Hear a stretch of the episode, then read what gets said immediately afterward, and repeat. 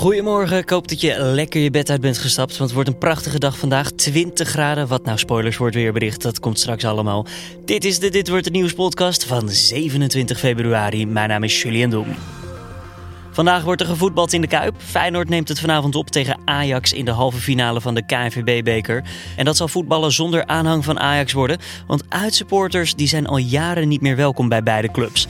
Al was dat bij een finale mogelijk anders geweest. Uh, kennelijk hanteren de KNVB en, en Feyenoord uh, andere uh, maatstaven van wat mogelijk is of niet. En kennelijk was het dus ook mogelijk geweest om bij de, bij de finale wel uitsupporters toe te laten. Straks meer daarover met onze verslaggever Binnenland Job van der Plicht en sportverslaggever Riepke Bakker. Eerst kort het belangrijkste nieuws van nu. Het Amerikaanse Huis van Afgevaardigden heeft een resolutie aangenomen die een einde moet maken aan de noodtoestand. Die is uitgeroepen door president Donald Trump. Met de noodtoestand kan Trump zonder toestemming van het congres geld vrijmaken voor de bouw van een muur bij de grens met Mexico. Nu de resolutie is aangenomen door het Huis, moet deze vervolgens door naar de Senaat, waar de Republikeinen de meerderheid hebben. Aangezien een aantal Republikeinen zich wel heeft uitgesproken tegen de noodtoestand, is er een kans dat de resolutie ook daar wordt aangenomen. Maar naar alle waarschijnlijkheid zal Trump in dat geval zijn vetorecht gebruiken tegen de resolutie. De Franse regering wist vooraf niet dat de Nederlandse staat een belang in aandelen zou nemen in Air France KLM. Dat laat de Franse minister van Economische Zaken weten. Volgens Nederland zouden de Fransen echter wel kort vooraf aan de bekendmaking dit te horen hebben gehad. Nederland neemt een belang van 12,68% in het luchtvaartconcern ter waarde van zo'n 680 miljoen euro. Dit belang moet uitgebreid worden naar 14%. Dat is uiteindelijk dan evenveel als het belang van de Franse staat in het bedrijf. Mohamedou Buhari, de zittende president van Nigeria, is herkozen voor een tweede termijn. Nog niet alle stemmen zijn geteld, maar de voorsprong is dermate groot dat Buhari niet meer ingehaald kan worden. De oppositie stelt dat de stembusgang niet eerlijk is verlopen en verwerpt de uitkomst. BBC News schrijft echter dat er volgens onafhankelijke waarnemers geen fraude is gepleegd. Bij een mijnramp op het Indonesische eiland Sulawesi zijn volgens lokale autoriteiten mogelijk 60 mensen levend begraven. Dat gebeurde toen een illegale goudmijn instortte. Inmiddels is er één dode geborgen. Volgens de autoriteiten was vanwege het grote aantal mijngangen de hele constructie instabiel geworden. Steunbalken zouden het uiteindelijk hebben begeven, waarna de mijn in elkaar is gestort. Op dat moment waren er tientallen gouddelvers onder de grond aan het werk. En dan gaan we naar ons verhaal van de dag: Feyenoord-Ajax. Tien jaar zijn er inmiddels al geen uitsupporters meer welkom bij de wedstrijden tussen beide clubs. En vanavond spelen Feyenoord en Ajax tegen elkaar in de halve finale van de KNVB-beker. Wederom dus zonder uitsupporters. Oftewel, het wordt een kuip gevuld met de aanhang van Feyenoord. Aangeschoven is Job van der Plicht, verslaggever Binnenland bij nu.nl. Job, kan je even uitleggen hoe dit gesprek over de uitsupporters inmiddels weer is aangewakkerd? Ja, dit is een dossier wat natuurlijk al heel lang loopt. Uh, vanaf 2009 mogen de uitsupporters uh, bij de klassieker niet meer aanwezig zijn. En um, eigenlijk de laatste, de laatste jaren, het laatste jaar, uh, hebben Ajax en Feyenoord geprobeerd om, om het gesprek weer, weer op gang te brengen. Um, dat was vorig jaar is dat al geprobeerd. En um, toen ging het mis tussen uh, supporters van, uh, van Ajax en PSV. En met name supporters van Ajax die, die vuurwerk gooiden tijdens de kampioenswedstrijd van, ehm, van PSV in het, het Philipsstadion in Eindhoven. Um, nou, daarna is besloten om, om de gesprekken weer eventjes stil te leggen. En in oktober hebben beide clubs duidelijk gemaakt dat ze weer in gesprek wilden met elkaar. ja, want voor de verduidelijking, jij hebt gewoon iedereen afgebeld om te vragen van hoe staat het er nu voor dus? Ja, zeker ja. Daar komen natuurlijk veel partijen bij kijken, de beide clubs, Ajax en Feyenoord. Uh, bij de gemeenten waar, uh, waar beide clubs uh, in spelen, Rotterdam en Amsterdam. de KNVB komt daar ook bij kijken, politie ook nog wel voor een deel. En al die partijen heb ik inderdaad gesproken. Inderdaad, ja. in het verleden zijn er afspraken gemaakt? Kan je toelichten? Ja, na, na 2009, waarin het voor het laatst uit de hand liep, zijn afspraken gemaakt om um, in ieder geval vijf jaar geen uitsupporters bij um, uh, de klassieker toe te laten. Uh, in 2014 waren die vijf jaar voorbij. Uh, maar uitgerekend in dat jaar ehm, misdroegen Ajax-fans zich in, in de Kuip tijdens de bekerfinale tegen PEC Zwolle. Laten we even luisteren hoe dat klonk. Goedenavond. PEC Zwolle heeft voor het eerst in de clubgeschiedenis de KNVB-beker veroverd. Maar helemaal vlekkeloos verliep de wedstrijd niet. Door vuurwerk op het veld lag het duel in de Kuip een tijdje stil. En de afloop weigerden zo'n 50 Ajax-supporters te vertrekken. Ze zijn door de ME uiteindelijk naar een parkeerterrein gebracht... en alsnog met de bus naar Amsterdam gegaan. Ja, nee, schandelijke actie natuurlijk. dus uh, een bekerfinale moet een feest zijn voor beide partijen. En dat uh, op deze manier uh, door onze supporters is het absoluut niet zo, uh, niet zo, niet zo gegaan. Edwin van der Sar hoorden we daar op het einde van Ajax. die gaf even een toelichting na de wedstrijd toen in 2014. Ja, chaotisch en ja, dus toen besloten het gaat weer niet gebeuren. Ja, inderdaad ja. En eigenlijk tot op de dag van vandaag staat die afspraak. Daar zijn ze nu dus over in gesprek. Ajax wil wel. Ajax heeft ook aangegeven al eerder dat ze eigenlijk dit seizoen al wel supporters uh, wilde bij, de, bij beide klassiekers. Dus bij zowel in de, in de arena als in de Kuip. Dat zou dan gaan om 600 supporters. Dat is de helft van, um, van wat er normaal gesproken ongeveer bij is. Normaal gesproken dus 1200 supporters. Um, maar Feyenoord lijkt, uh, lijkt dwars te liggen. Wat dat precies is, dat, dat weet ik niet. Maar daar komen we misschien nog straks over te spreken.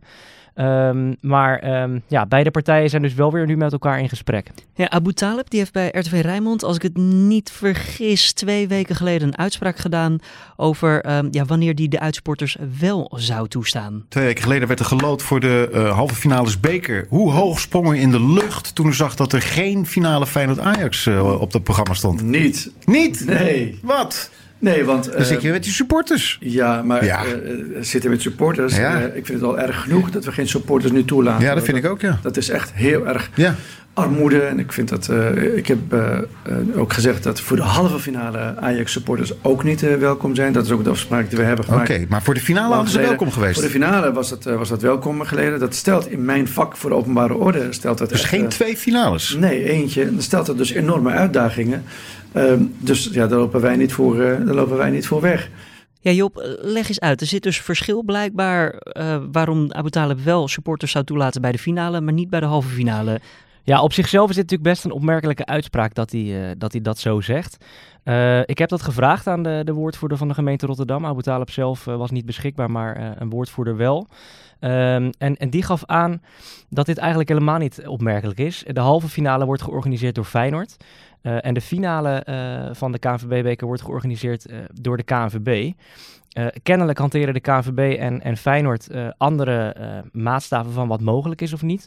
En kennelijk was het dus ook mogelijk geweest om bij de, bij de finale wel uitsupporters toe te laten. Dan zouden er dus andere afspraken gemaakt worden voor zo'n wedstrijd. Daar lijkt de KNVB... Ja goed dat we dit weten. Want, uh, ja, dit is volgens mij niet voor iedereen even duidelijk altijd, dit soort regels. Aan de telefoon hangt ook Riepke Bakker. Ja, Riepke, um, sportjournalist hier bij nu.nl. Laten we eerst even luisteren samen met jou naar wat we de afgelopen jaren hebben mee kunnen maken tussen Ajax en Feyenoord supporters.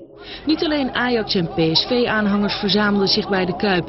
Ook een groot deel van de harde kern van Feyenoord kwam richting het stadion.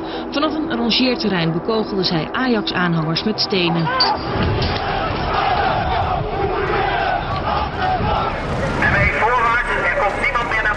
Voorwaarts hier. Mensen die naar beneden lopen, u moet naar boven. Opstootjes met politie aan Ajax-kant. En spreekkoren van de Feyenoorders zorgde ervoor dat de Rotterdamse burgemeester Abu Taleb en toenmalig burgemeester Cohen uitsupporters bij de klassieker voor vijf jaar verboden. Het was niet erger dan andere jaren, maar het is, andere jaren is het ook erg.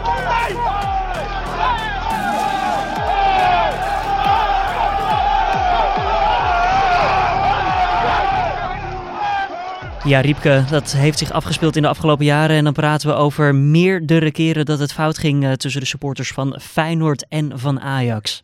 Ja, ja en het, hoogtepunt zat trouwens wel, als je echt kijkt naar die hooligan-rivaliteit tussen Ajax en Feyenoord, wel in de jaren 90 hoor. In 1997 hebben we de, de slag bij Beverwijk gehad. Toen uh, was niet eens een klassieker nodig, maar zochten ze elkaar op uh, in een weiland met zelfs een dode Ajax-supporter, Carlo Picconi tot gevolg. Wa en, waarom uh, bezochten ze elkaar? Waarom zochten ze elkaar op? ja, nou ja, om te knokken. Nee, ja, dat was gewoon een, een, een, een gemaakte afspraak. Je had in die tijd net mobiele telefoons. Nou ja, daar werd gretig gebruik van gemaakt. En uh, ja, met, met ja, uh, wapens gingen ze elkaar te lijf met, met fatale gevolgen. Dat is wel. dat was echt het, het, het, hoogtepunt, of eigenlijk moet je het dieptepunt zeggen van die hele hooligan-oorlog tussen, tussen Ajax en Feyenoord vooral. Daarna is het nog wel vaak fout gegaan. En de laatste jaren is het ja, rustig. Maar het is ook omdat we eigenlijk niet weten, kan het nog? Want ja, het is al tien jaar dat, dit, dat dit loopt. En daarin zijn we echt nou ja, uniek in de wereld. Want overal in de wereld hebben ze nou ja, derbies of uh, hele beladen topwedstrijden. Maar daar zit het, kan het wel met, met uitsupporters. Waarom kan het daar dan wel? Zijn de regels daar strenger? Is er meer politie? Is er meer geld? Of uh, zijn de hekken hoger tussen de supporters? Nee, dat niet. Uh, waarom het wel kan? Ja, er worden minder extreme maatregelen genomen. Dus hier wordt gezegd meteen vijf jaar. En daarna wordt het tien jaar. Ja, daar, daar durven ze het sneller wel weer wat aan. Het heeft misschien ook wel een beetje te maken eh, met het feit dat vooral de Kuip uh, een beetje uh, nou ja, verouderd is. Hè. Er komt een, komt een nieuwe Kuip aan en daarin is waarschijnlijk het makkelijker te reguleren en makkelijker die twee supportersgroepen uit elkaar te houden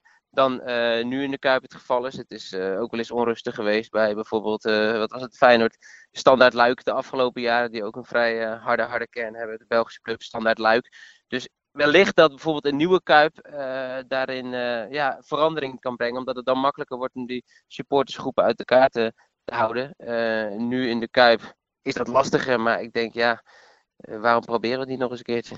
Riepke, denk jij, denk jij dat dat het verschil is tussen de, de verschillende standpunten die Ajax en Feyenoord innemen? Ajax wil natuurlijk wel, zit met een wat modernere arena. Feyenoord zit, zoals je zegt, met de wat verouderde Kuip. Zit het hem daarin, denk je? Dat, dat sluit ik niet uit, omdat uh, nou ja, bij de Arena kom je als uitsupporter uh, nou ja, uh, eigenlijk helemaal niet in contact met de thuissupporters. Je wordt echt in dat vak geleid. En het is allemaal iets verder van elkaar. Het is allemaal wat makkelijker om die groepen uit elkaar te houden. En ik sluit niet uit dat dat meespeelt. Ja, antwoord heb ik niet van Feyenoord. Maar het is in deze Kuip is in die zin ongunstiger en ingewikkelder om, om een confrontatie voorkomen. Zie jij het eigenlijk nog wel gebeuren in deze Kuip? Uh, ik, ik, ik denk dat het, dat het niet gebeurt. Want de, de, kijk, die Kuip die, die, die heeft nog geen groen licht. Uh, maar zoals het er nu naar uitziet, komt het groene licht uh, dit jaar wel. En dan zitten we, nou ja, er zitten drie jaar tot een nieuwe Kuip. Nou ja, dan is het heel makkelijk om zeg maar in iets te beloven in de verte. En dan kunnen we ergens naar uitkijken. en ja, om het nu nog te proberen, ja, het is heel zonde hoor. Voor mij mogen we het nu weer proberen. Maar het heeft heeft tien jaar uh, geduurd. Dus uh, dat is al een hele lange periode. En vanuit daar is, is, is dan makkelijker gezegd, nou, we, we maken er 13, 14 jaar van. En dan straks als we een nieuw stadion hebben en de veiligheid iets meer gewaarborgd kan worden. Hoewel, ja, volgens mij kan het misschien ook wel hier gewoon in de Kuip. Uh, ja, dan is het makkelijker om die stap te maken en weer uitsupporters toe te laten. Riepke, dan uh, ja, de wedstrijd van vanavond, deze woensdag, de halve finale tussen Feyenoord en Ajax. Jij bent bij de persconferentie geweest. Zijn er nog opvallende dingen gezegd? Waar moeten we op letten vanavond als de spelers het veld betreden? Nou ja, dat, dat Ajax uh, revanche wil nemen. Uh, ja, we hebben, we hebben een, een, een 6-2 gehad vorige maand voor Feyenoord. Nou ja, heel uh, Rotterdam uh, was dolgelukkig en terecht, want het was uh, nou ja, vernedering voor Ajax. En dat zit eigenlijk bij beide, beide ploegen in het achterhoofd. Ajax ja, zal niet meer zo slap spelen zoals ze de tweede helft vooral tegen Feyenoord hebben gedaan. Die willen gewoon revanche. En ja, Feyenoord, er is een soort besef dat het kan. Zeker in die eigen kuip, nou ja, zonder uitsupporters. Dus die hele kuip die is gevuld met, met, met, met Feyenoord supporters. Ja, dat brengt altijd een stukje magie boven bij, uh, bij Feyenoord. En zeker in het bekertoernooi. Dus wat dat betreft wordt het een heerlijk interessant potje. Met een Feyenoord wat vooral moet winnen. Want anders is het seizoen toch wel mislukt. Maar goed, inderdaad, daar zeg je het. Voor Feyenoord, de beker is de enige prijs die er eigenlijk nog toe doet dit seizoen. En voor Ajax, ja, Real Madrid staat om de hoek te kijken. Denk je dat ze nog iemand gaan sparen? Of gaan ze er echt volle bak voor? Nee, ze gaan niemand sparen, want uh, nou ja, daar is ook een, andere slepende KNVB-zaak. Ze hebben komend weekend vrij omdat de wedstrijd tegen, tegen PEC niet doorgaat. Dus nou ja, ze hebben eh, zes dagen om zich voor te bereiden op, uh, op Madrid uit. Nou, dat, dat moet normaal gesproken genoeg zijn. En het is voor Ajax, voor Ajax ook wel zo belangrijk. Hè? Ik bedoel, Ajax, als ze moeten kiezen tussen de beker en het landskampioenschap, natuurlijk kiezen ze dan voor het landskampioenschap. Maar Ajax is een club, ja, ze roepen in Amsterdam graag, wij zijn de beste. Maar er is al vijf jaar geen prijs meer gewonnen. Dus mocht het misgaan in die strijd om de landstitel, dan is het wel heel lekker om die beker nog in je achterzak te hebben. Dan heb je in ieder geval na vijf jaar een prijs. Dankjewel Riepke Bakker, sportverslaggever nu.nl en Job van der Plicht, verslaggever Binnenland bij nu.nl. Wil je nou meer lezen over dit onderwerp? Dat kan. In de beschrijving van deze podcast vind je een linkje naar een uitgebreid achtergrondartikel over deze hele situatie. Dan kijken we even wat er verder vandaag nog te gebeuren staat. Zo ontmoet president Donald Trump de Noord-Koreaanse leider Kim Jong-un in het Vietnamese Hanoi. Onderwerpen van gesprek zijn onder meer de kernontwapening van het uh, Koreaanse schiereiland en een formeel einde aan de Koreaanse oorlog die al sinds 1950 gaande is. Ondanks ronkende beloften is er sinds vorige ontmoeting van de twee eigenlijk niet veel voortgang gemaakt. Morgenochtend daarover meer in de Dit wordt het nieuws podcast en vanavond al een uitgebreid achtergrondartikel daarover op de voorpagina van nu.nl. En verder legt Michael Cohen, de oud-advocaat van Donald Trump, onder Ede een getuigenis af in het Huis van Afgevaardigden. En volgens Amerikaanse media zal hij daar een boekje open doen over Trumps racisme, leugens, over diens rijkdom en mogelijke criminele handelingen verricht door de president. Dat wordt nog wat. Cohen zou bewijzen hebben dat Trump de wet op de campagnefinanciering overtrad. En zo zou de president opdracht hebben gegeven zwijgeld te betalen aan twee vrouwen om daarmee de verkiezingsuitslag te beïnvloeden. Dan kijken we nog even naar het weerbericht deze woensdag. Buiten wordt het dus heerlijk weer vandaag met weinig wind en vooral veel zon. Aan de kust loopt de temperatuur op tot zo'n 15 graden. Landinwaarts, hou je vast, kan het zelfs 20 graden worden. Na vandaag is het echter weer eventjes gedaan met het extreem warme weer voor deze tijd van het jaar. Vanaf donderdag zakt de boel namelijk tot een nou, nog altijd acceptabele 11 graden. En dan nog even dit. Ja, de zaak van de Amerikaanse Stephen Avery wordt nogmaals bekeken door een rechtbank in de staat Wisconsin.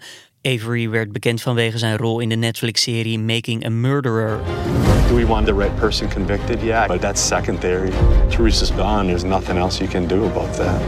Prominent attorney Kathleen Zellner, best known for overturning wrongful convictions, has taken the Avery case. I have one goal, and that's to overturn the conviction of Stephen Avery.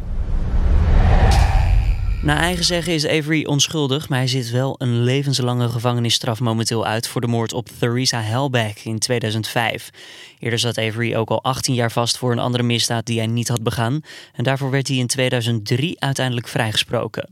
Nu er opnieuw naar de zaak gekeken gaat worden, is het mogelijk dat er ook een nieuw proces volgt. En dit was dan de Dit Wordt Het Nieuws podcast deze ochtend. Ik hoop dat je ervan hebt genoten. Mocht je een mening hebben en die willen delen, dan kan dat natuurlijk via podcast.nu.nl. Of wil je dat openbaar doen, dan kan dat via een van je favoriete podcast apps. Mijn naam is Julian Dom. Ik wens je een hele goede en fijne woensdag. En tot morgen.